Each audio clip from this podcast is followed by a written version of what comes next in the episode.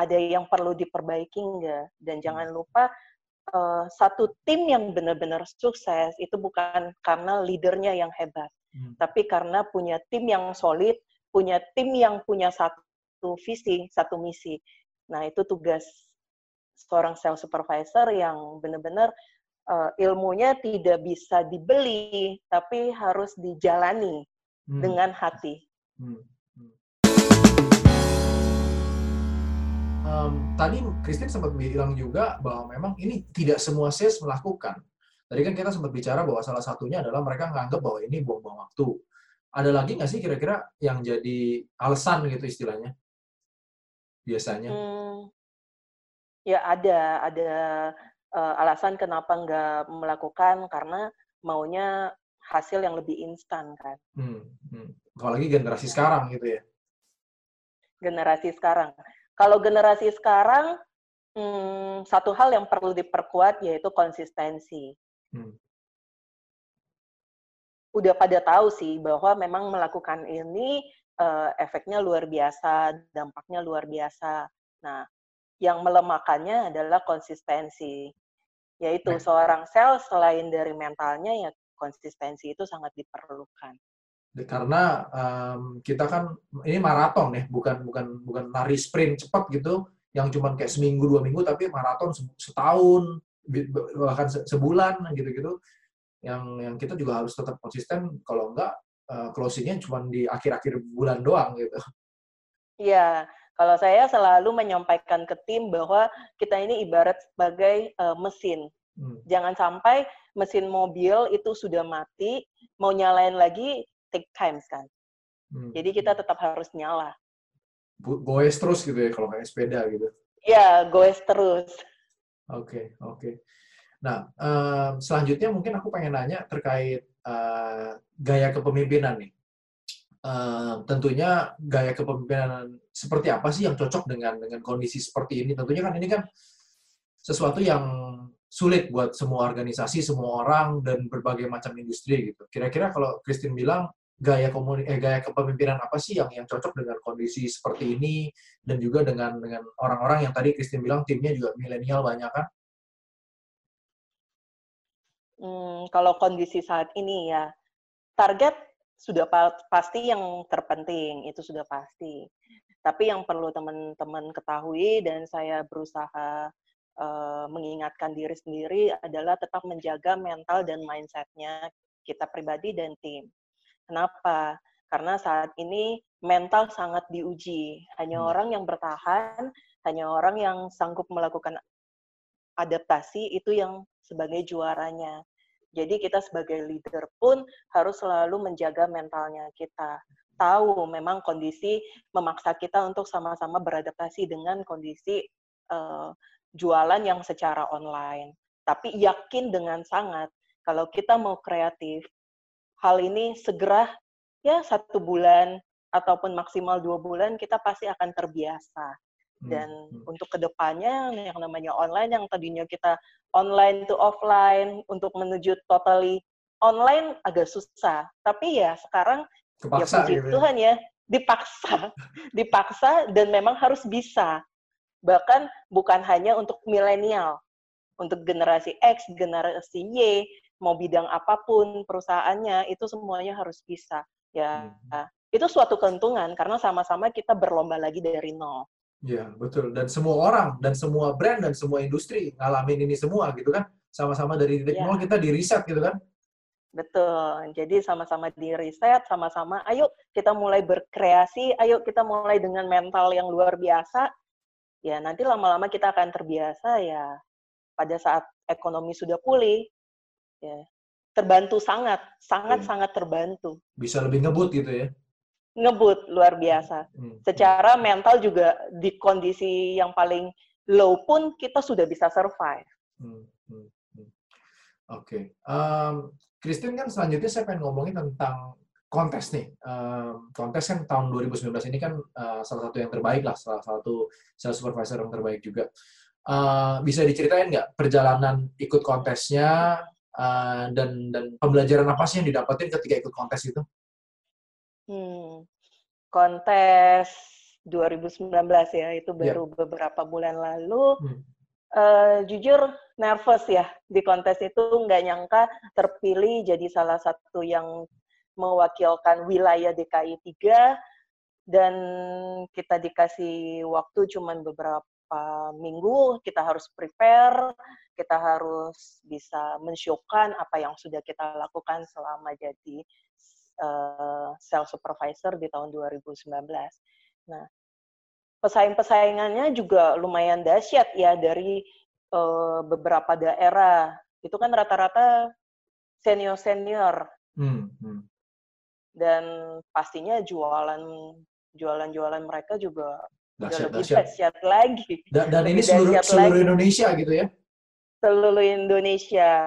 Dan yang paling pen, yang paling bikin agak shock itu Uh, dari usia jabatan ya rata-rata hmm. udah enam tahun ke atas sebagai sales supervisor ya saya pribadi baru tiga tahun hmm. Hmm. Hmm. ya cuma saya punya prinsip waktu itu saya jadi diri saya sendiri hmm. saya jadi diri saya sendiri apa yang sudah saya lakukan untuk tim apa yang sudah saya perjuangkan untuk perusahaan uh, saya ceritakan apa adanya pada saat saat saat kontes dan kaizen yang dibuat pun ya itu dari uh, apa yang diperlukan di cabang. Hmm. Ya puji syukur hmm, salah satu pemenangnya ya ada nama saya. Mas. Saya juga boleh dibilang ya nggak nyangka, nggak nyangka hmm. sama sekali. Karena memang kontes itu kan didesain untuk bagaimana me, me, me, apa ya, men-sharingkan apa yang kita lakukan selama ini kan sebenarnya kan. Dan memang tinggal apa yang kita lakukan selama ini kita bungkus, kita coba tunjukkan, dan dampaknya kita lihat analisanya apakah sesuai apa enggak, dan itu kan selama itu relevan bisa jadi apa e, kontestan juga berarti sebenarnya ya. Ya. Hmm. Ada tips nggak, Christine, untuk orang-orang mungkin yang SS yang baru, yang yang yang ingin ikutan kontes juga dan dan bisa um, apa ngerasain panggung juga gitu? Hmm, tipsnya ya. Hmm. Kalau sales supervisor, mungkin yang diperlukan adalah helicopter view. Hmm. Jadi uh, bukan hanya ada di lapangan saja yang itu diperlukan, ya kita harus bisa benar-benar skill up dari manajemen uh, timnya, bagaimana pendekatan timnya, dan sekarang lagi tren-trennya adalah membangun tim yang positive minded. Hmm. Bagaimana mereka sebagai karyawan yang selalu happy. Nah, itu sangat diperlukan. Terus harus bisa membaca pasar. Sebetulnya guidance-guidance dari setiap perusahaan sudah ada. Ya, apa yang mesti kita lakukan di kuartal pertama, kedua, ketiga. Nah, guidance-guidance itu kita jalani dengan hati. Kalau memang gagal, kita coba cari tahu, berkajian lagi. Ada yang perlu diperbaiki enggak? Dan jangan lupa uh, satu tim yang benar-benar sukses itu bukan karena leadernya yang hebat, hmm. tapi karena punya tim yang solid, punya tim yang punya satu visi, satu misi. Nah, itu tugas seorang sales supervisor yang benar-benar uh, ilmunya tidak bisa dibeli, tapi harus dijalani hmm. dengan hati. Hmm. Hmm. Nah, jadi memang uh, itu salah satu mungkin uh, apa namanya jebakan seorang SS juga ya. Uh, ketika tadi Mbak Christine bilang helikopter view, uh, sering kali kan SS itu fokusnya memang ya karena memang targetnya jualan dan backgroundnya mungkin baru dari sales, uh, dia fokus ke lapangan, bantuin salesnya, ya bagus, cuman jangan terlalu banyak juga dan terlalu fokus ke situ juga berarti ya. Ya, lapangan Lalu. tetap penting, tapi helikopter view-nya itu tetap mulai mulai diprioritaskan lah. Karena dengan beberapa strategi yang kita lihat dari view-nya itu, ya mungkin kita bisa rubah sedikit strategi, uh, itu akan merubah atau menaikin produktivitas. Karena kita bukan lagi sebagai individual kontributor, tapi udah udah ngelola tim yang memang harus mencapai kita mencapai target melalui orang lain lah, basically gitu kan? Iya. Hmm, hmm. Um, terus kira-kira yang Christine pelajarin ketika ketika selama perjalanan menang kontes ini apa Christine yang didapatkan? Hmm, setelah menang kontes ya ada beberapa program ya yang sudah saya jalankan dan akan jalankan lagi di cabang ya yang pastinya hmm, kita harus benar-benar touch kita harus benar-benar touch ke customer yaitu kita harus tahu profile customer itu seperti apa. Karena saat ini kalau kita blind canvassing, blind telemarketing, itu sudah tidak jalan. Kita harus, bahkan kita harus tahu sampai ke hobinya si customer. Hmm, hmm. Sometimes kita membuka satu pembicaraan itu, kalau terlalu kaku, customer juga jadi ada gap. Hmm, nah, kalau kita tahu hobinya, kita mulai bicarakan tentang hobi, bahkan kita tahu komunitas-komunitas apa, yang customer jalani. Nah, itu sudah bisa membuka uh, pembicaraan ya. Hmm. Ya, intinya individual customer profiling itu sangat penting untuk saat ini. Hmm, hmm. Dan, dan ini menurut saya salah satu yang sangat bisa dipelajarin sama teman-teman yang non otomotif juga adalah memang um, banyak di, di luar sales non otomotif yang masih melakukannya tadi yang salesnya uh, transaksional kalau butuh ya kontak saya, kalau nggak butuh ya nggak usah kontak saya gitu ya.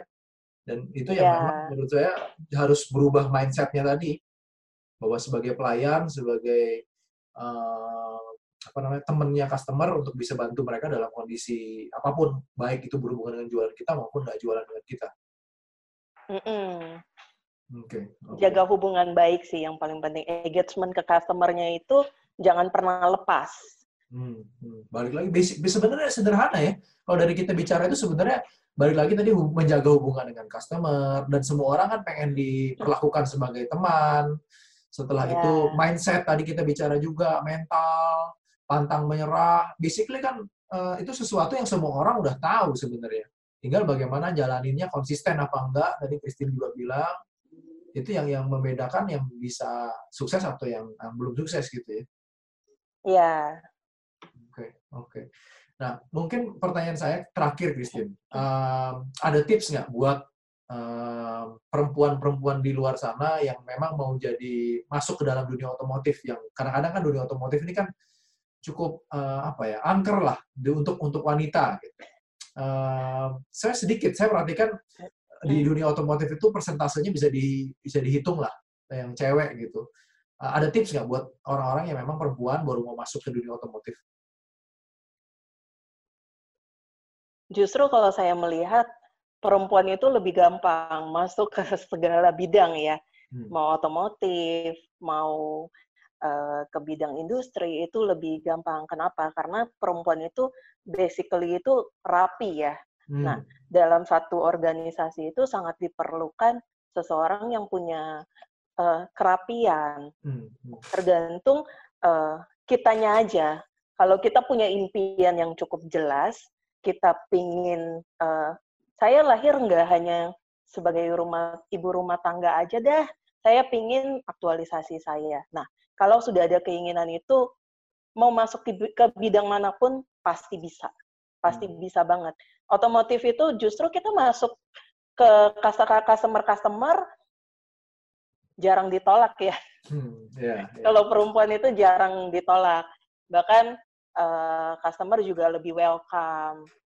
Baik kita ketemu customer yang udah senior atau customer yang masih milenial, mereka itu sangat menghargai untuk sales-sales perempuan. Bahkan untuk sebagai leader pun, ya kita bisa melihat lebih detail kan, di mana kalau misalkan uh, laki-laki lebih fokuskan ke nggak tas ke perasaan ya Pak ya ada tapi nggak terlalu terlalu ini ya nggak terlalu detail ya. Yeah. Tapi kalau kita sebagai leader perempuan, sometimes kita mengamati juga bagaimana perasaan, bagaimana moodnya si sel tersebut, bagaimana kita bangkitkan kembali. Nah itu satu nilai tambah sih. Jadi nggak nggak nggak ada halangan ya buat perempuan untuk meniti karir ini karena memang dulu kan uh, mungkin karena perubahan kondisi dan lingkungan juga pada zaman dulu kan otomotif itu kan dikenal dengan industri yang cukup keras di mana pemimpinnya harus harus uh, apa namanya cukup keras juga kepada anak buahnya dan memang dengan perubahan generasi perubahan tantangan ini mungkin tadi yang Christine bilang uh, pendekatan heart to heart itu lebih uh, bisa juga ngimbangin di tengah uh, industri yang yang penuh dengan tantangan ini gitu ya Iya. Oke. Kalau uh, dari pengalaman sebagai ibu, Christine kan ibu juga nih, anak punya anak kan umur umur, umur berapa Christine? Umur 8 tahun. Cewek cowok? Cowok. Cowok. Uh, gimana nih cara bagi waktunya antara keluarga dengan kerjaan? Untuk keluarga ya, kalau untuk keluarga saya puji syukur ya, ada orang tua yang backup, jadi dari akademiknya juga di backup orang tua. Jadi saya ketemu dengan anak saya di malam hari, sometimes cuma bisa weekend saja. Ya, so far nggak masalah. Karena kan sekarang hmm, teknologi juga udah canggih. Kita hmm. bisa video callan, kita bisa uh, setting waktu, kapan harus ketemu. Nah, anak juga mau, anak juga mau bahwa oh mami kerja ya buat saya. Hmm, hmm. Jadi so far nggak nggak ada masalah. Ya, tinggal pinter-pinternya kita ngatur waktu dan pinter-pinter kita ngatur waktu.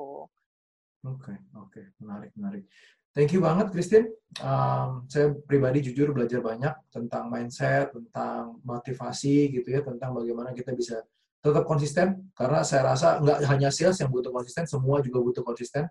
Kadang-kadang kita sebagai manusia uh, mut-mutan, uh, kadang semangat, kadang nggak semangat, itu yang mesti diingat bahwa memang kita perlu konsisten. Oke, okay. ya. terima kasih, Christine. Sama-sama, Pak Ray. Mudah-mudahan setelah ya, COVID ini nanti kita bisa ngobrol-ngobrol kongko-kongko bareng untuk bisa diskusi lebih lanjut. Baik. Thank you, Christine. Sama-sama.